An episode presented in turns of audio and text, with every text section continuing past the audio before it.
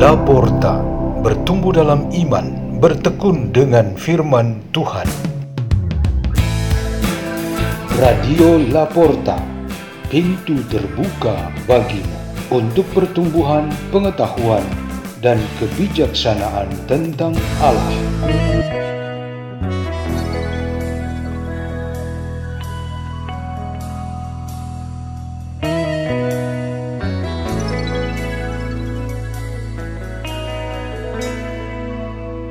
Bacaan dan Renungan Sabda Tuhan Hari Senin Pekan ke-22 Masa Biasa 4 September 2023 Dibawakan oleh Veronica Genua dari Paroki Santo Martinus Reworeke, Keuskupan Agung Ende Flores.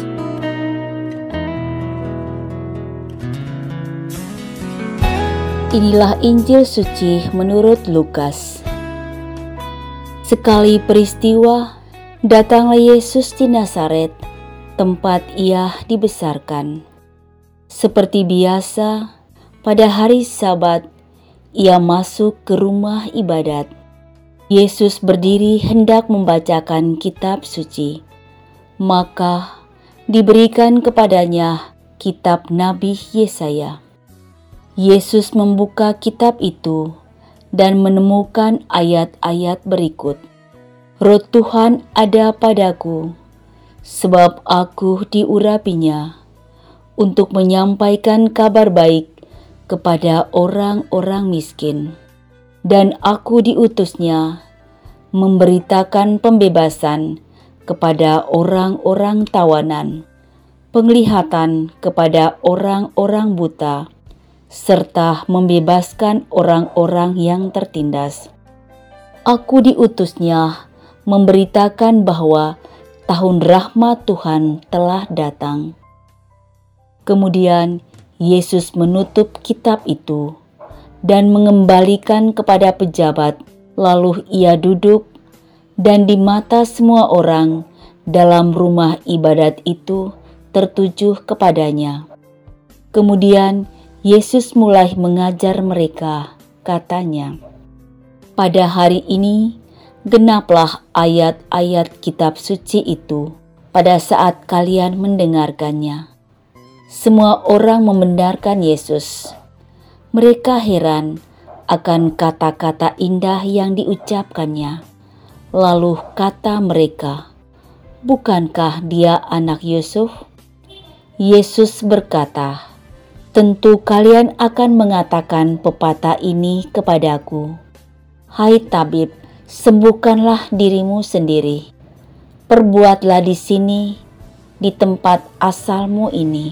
Segala yang kami dengar telah terjadi di Kapernaum.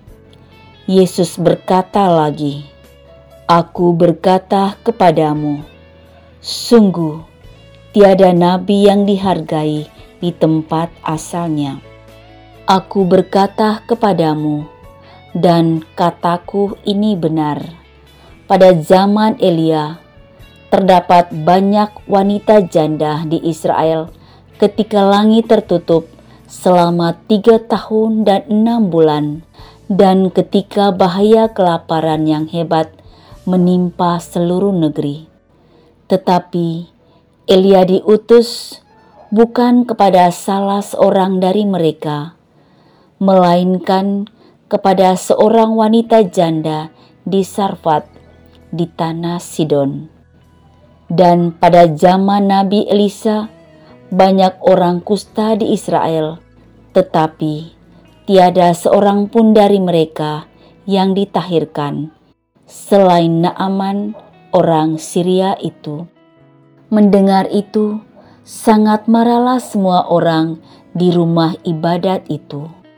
Mereka bangkit lalu menghalau Yesus keluar kota dan membawa dia ke tebing gunung tempat di kota ia terletak untuk melemparkan dia dari tebing itu. Tetapi Yesus berjalan lewat di tengah-tengah mereka, lalu pergi. Demikianlah sabda Tuhan.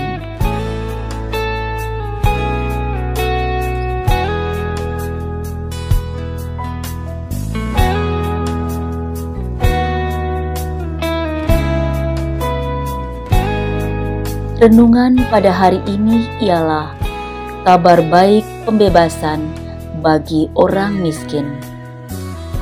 Orang miskin di dalam kitab suci punya makna luas. Mereka bukan hanya orang-orang yang tak punya apa-apa. Misalnya, kebutuhan pokok untuk hidup sehari-hari sangat kurang.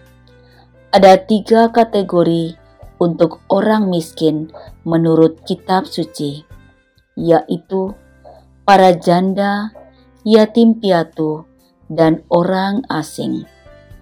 Saat ini, persoalan dan tantangan semakin kompleks, maka orang-orang miskin bisa mencakup juga mereka yang punya kekurangan aspek fisik, ekonomi, sosial, budaya, moral, dan spiritual.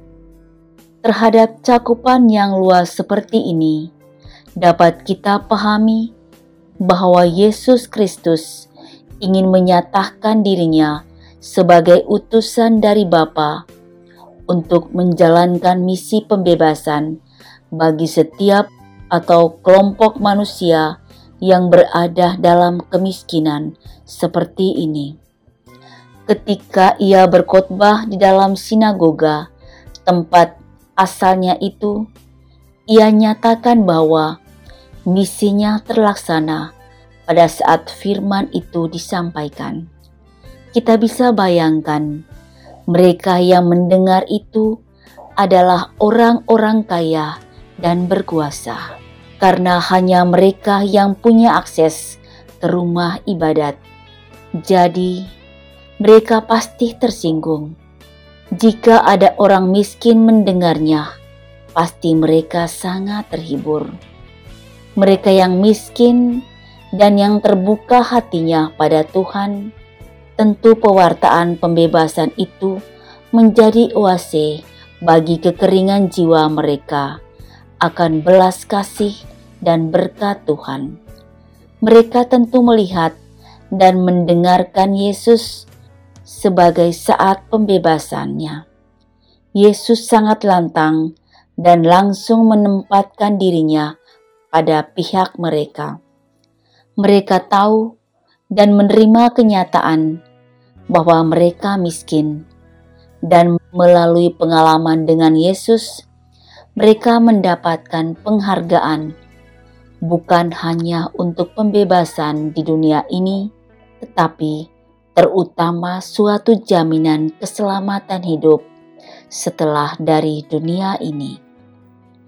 Sedangkan bagi mereka yang berkuasa, kaya, dan pandai, firman Allah itu bagai pukulan yang memalukan dan mengancam hidup mereka yang nyaman. Mereka jelas menolak dan bencana untuk menghancurkan Yesus Biasanya, reaksi suatu tindakan baik, benar, dan adil seperti ini bukan sekedar dilatari oleh paham dan keyakinan yang berbeda, tetapi terutama karena kelaliman, dosa, dan kejahatan mereka diketahui. Mereka kedapatan berdosa di hadapan Tuhan sendiri. Mereka tidak bisa menahan malu dan marahnya terhadap Yesus. Kita memiliki kekurangan-kekurangan yang menaruh kita pada kategori miskin dan pasti membutuhkan warta pembebasan dari Yesus dan membutuhkan Yesus Kristus sendiri. Prinsipnya, kita tidak boleh menolak Dia, bahkan punya rencana jahat terhadapnya, tetapi kita mesti menerima Dia dengan penuh sukacita. Kiranya setiap kali mendengarkan firman Tuhan, katakanlah pada diri Anda bahwa pada hari ini genaplah sabda kitab suci pada saat saya mendengarkannya. Itu adalah sabda pembebasan bagi Anda. Marilah kita berdoa dalam nama Bapa dan Putra dan Roh Kudus. Ya Tuhan Yesus Kristus, semoga melalui firman-Mu pada hari ini, kami semakin mencintai setiap firman yang disampaikan kepada kami, yang dapat memberikan kami sukacita, pembebasan, dan keselamatan.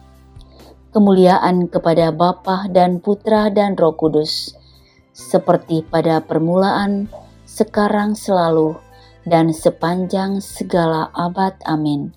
Dalam nama Bapa dan Putra dan Roh Kudus. Amin.